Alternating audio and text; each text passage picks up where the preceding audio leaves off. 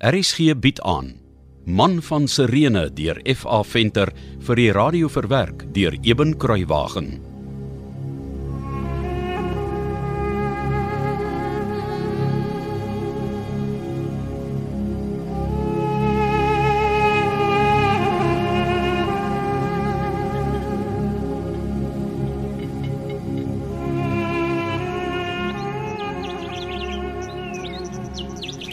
Daar's die siegeel. Ek het vir julle iets gebring om te eet. Ag, oh, dankie my liefste Deborah. Hy het afgestap daar na die Kedron spruit toe om te gaan afspoel. hy het amper net soveel klei op hom gehad as wat daar klei in die mure van die parskyp is. Uh, dit lyk goed, Simon Niger. o ja, elke skeurtjie en elke barsie is toegepluister. So dig soos 'n pot. Wat wou? 'n Pot sal wat wil gee om so dig soos hierdie parskyp te kan wees. Nee, nee, nee, hy is so dig soos 'n kalbas. Net reg vir die eerste trapsel drywe. Hm. So, wat dink jy van ons ander werk? O, oh, as ek Josef van Arimatea was, was ek baie tevrede. Nou moet julle nog net die druiwe kry om te pars. Dit sal kom, Deborah. Een van die mooi dae. Julle het eintlik baie vinnig gewerk. 2 dae gelede toe jy in Esegiel Jerusalem toe was, het julle nog net die barste skoon gekrap gehad. Wat kom nou volgende aan die beurt? Ons moet nou die grond om die res van die bome lospit. Dit moet klaar wees voor die eerste reëns kom. Dan die trapvloer, dit's baie verwaarloos. En dan die olyfpers. Die is erg vervalle. Genade Simon, dis 'n klomp werk. maar jy lyk so gelukkig. O, oh, ek is liewe Deborah.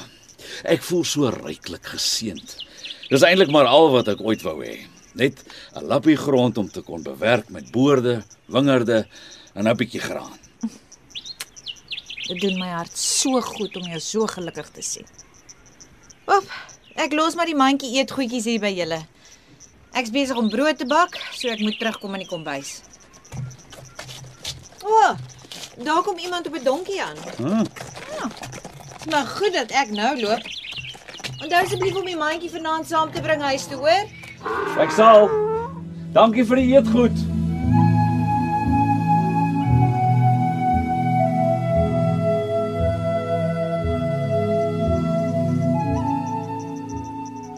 Vrede vir jou, Simon van Alexandrië. Vrede vir jou, Josef van Arimatea. Ek en Esegiel het jou parskyp weer dig. Genade my julle werk vinnig. Nou kan ons 'n slag weer pas. Ons kruike is seker al haas leeg. Ja nee, daar's nie meer te veel volvate oor nie. Ja, en die winter wil ek maar net nie afskeid neem nie. Nee, hy wil nie. Josef, jy lyk so of jy iets op die hart het. Kom sit gerus 'n bietjie, dan praat ons. Dankie. Ek gaan sommer hier so op hierdie ou stuk in 'n vat sit. Ja. En die ou klip en ek het al goed bevriend geraak. So ja. Wat het jy op die hart, Josef van Arimatea? nou het vandag iets gebeur, iets iets ongeloofliks. Eintlik 'n wonderwerk. Dit dit klink interessant. Vertel. Die uh die Nasarener het 'n man uit die dood opgewek. Genee. Wat 'n wilde gerugte is die nou weer? Dis nie wille gerigte nie, Simon. Toe ek laas hier was, het ek julle mos vertel van die siek pottebakker van Betanië, né?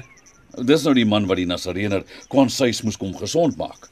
En hoekom Kajafas die Sanhedrin bymekaar geroep het. Ja, ja, ja, dis reg. Nou Lazarus, die pottebakker van Betanië, was al 3 of meer dae dood toe die Nasarener eers by hom uitgekom het. En hy het hom uit die dood opgewek. Ag nee tog. Josef van Arimatea, wie moet dit nou? Nee nee nee, wag, laat ek klaar vertel. Hulle, het Lazarus in 'n spelonk weggelê en 'n klip voor die ingang gerol gehad. Die Nasarener het glo die omstanders beveel om die klip weg te rol, maar die oudste suster het vreeslik protes aangeteken en gesê Lazarus is nou al so lank dood, hy ryk al. Maar die die Nasarener het voet by stuk gehou. En uiteindelik is die klip weggerol en toe Jesus die uh, Nasarener voor die spelonk gaan staan en Lazarus se naam uitgeroep. En toe kom die dooie man ewe rustig uitgestap. Ja. En toe Lazarus uitgestap gekom en nog met die doodskleed om hom en die hoofbedekking om sy gesig. Dit moes vir jou gesig gewees het om te aanskou. Simon, baie Jode het dit gesien. Ek praat nie van 2 of 3 nie, baie. En heel party van hulle het, het, het kom vertel hulle het gesien hoe Lazarus uit die graf kom en dat hy lewendig is. Nie almal gelyktydig in 'n groep nie. 2 2 3 3 mense wat mekaar nie eens ken nie op verskillende tye van die dag. Josef van Arimatea. Jy's 'n gerespekteerde man, 'n ouderling van die volk, 'n lid van die Sanhedrin. Jy moet versigtig wees wat se bog jy kwytraak. Ek ek glo nie vir 'n oomblik dis waar nie. Maar dit is Luister. Luister ek. Dis 'n baie geslepe bedrieër die. Ek's oortuig hy het mense omgekoop om hierdie verskriklike leuen onder liggelowige mense te versprei net om steun te wen. dat jy sal dit eendag moet glo want dis die heilige reine waarheid. Josef dink mooi. Geen mens kan na 'n paar dae uit die dood opgewek word nie. As dit waar was. Wat trek jy die streep? O, hy kan dooies weer lewend maak na 3 dae, maar nie na 'n week of 'n maand of 'n jaar nie. Dink mooi. Dis 'n belaglike storie. Wel, ek sê jou die Nasareëner het dit gedoen net vanoggend. En ek sê jou dis godslastering. Want ook die dood behoort aan God. Wel, vandag is die dood in Betanië oorwin. Niemand kan die dood oorwin nie behalwe die God van Abraham, Isak en Jakob. Maar jy verstaan nie, liewe Simon, dit is Josef van Arimatea, ek respekteer jou. En, en ek is jou ewig dankbaar vir alles wat jy vir ons doen en vir die geleentheid wat jy my gebied het om jou grond te bewerk en en in die huis te woon wat jy vir ons voorsien het, maar ek is bevrees jy glo 'n leuen. almal weet. Lazarus het gesterf. En feitelik almal wat sy begrafnis bygewoon het, het gesien hoe hy uit die graf gestap kom. Lazarus was dood en nou leef hy. Hoe weet jy hy was regtig dood? En hoe weet jy hy het regtig lewendig geword? Ek's baie jammer, maar ek kan dit nie glo nie. Daar's iets wat ek jou nie vertel het nie, Simon. Wat? Ek het self met Lazarus gepraat. Ek het van Betanië af reg het na jou toe gekom. En nog iets. Ek ken Lazarus en sy susters, Martha en Maria. Hulle het voor my groot geword. Die ou man se woorde tuister my. Hoekom kan ek nie van die vervloekte Nasareëner ontsnap nie? Debora praat gedurig oor hom. Rufus het glad agter die man aangeloop. En toe ons hier aankom, wat word in my gesig gegooi? 'n Malaatse man wat glo Jesus van Nasaret het hom genees. Dit skry teen die hemele. Dit voel of alles wat ek weet en waarin ek glo, my herkoms, my menswees, die wet van die almagtige God, die tradisies van Israel van die vroegste tye af onder my uitgeruk word. En dis alles die timmerman se skuld. Hoekom agtervolg julle my met die Nasareëner? Ek glo nie in hom nie. Ek wil nie van hom hoor nie. Dis deur hom wat ek my seun weggejaag het. Pleks dat julle hom stenig of kruisig, praat julle die hele tyd van hom en oor hom. Praat, praat, praat. Simon, Simon, die liewe mens. Ons almal is in vertwyfeling op die oomblik. Ons almal soek na die waarheid. Wat is die waarheid, Josef van Arimatea? Ek sê eenvoudige man. Ek het na Saulus in die tempel geluister 2 dae gelede. Hy sê die dinge soos ek dit nie kan sê nie. Maar kortom sê hy, die Nasareëner oortree die wet.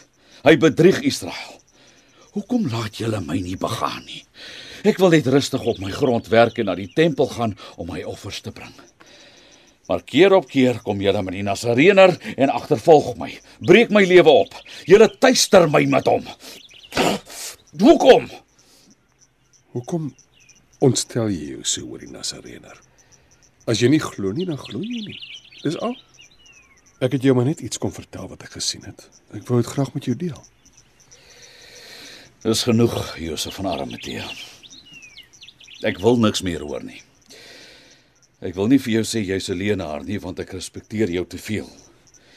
Jy's 'n gesiene man en jy's baie goed vir ons. So bly asseblief net stil. Ek het nie geweet van jou seun nie.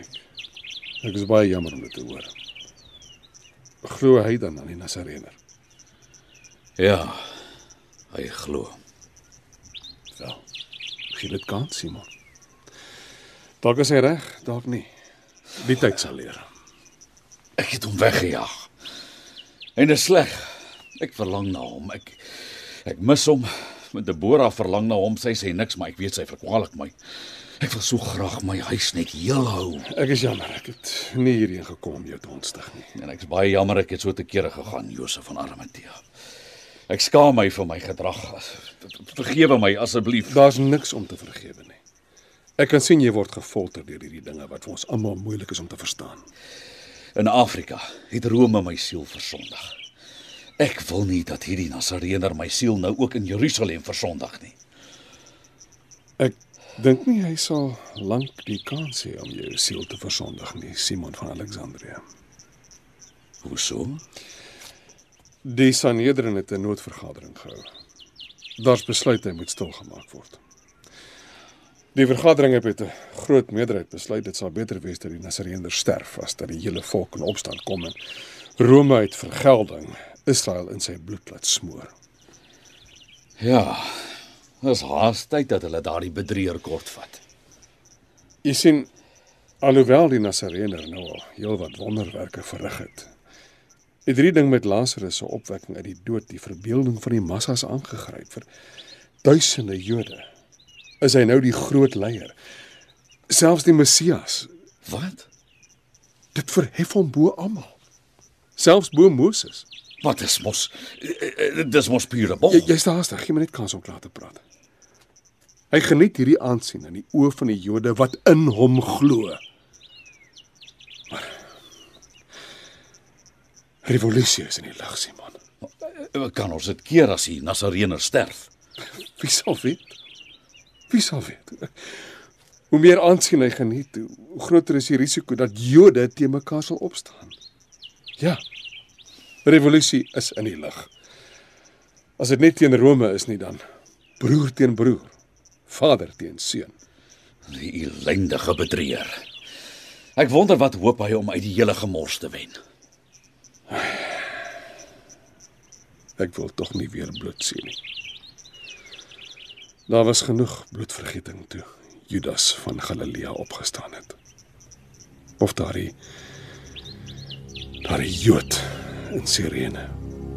Wie hy ook al was. RSG se middagvervolgverhaal Man van Sirene deur F.A. Venter is vir die eerste keer in 1957 uitgegee en is in 2016 heruitgegee deur Lux Werby. Die produksie word akoesties beheer deur Cassie Lauis en die verhaal word in Kaapstad opgevoer onder regie van Joni Combrink.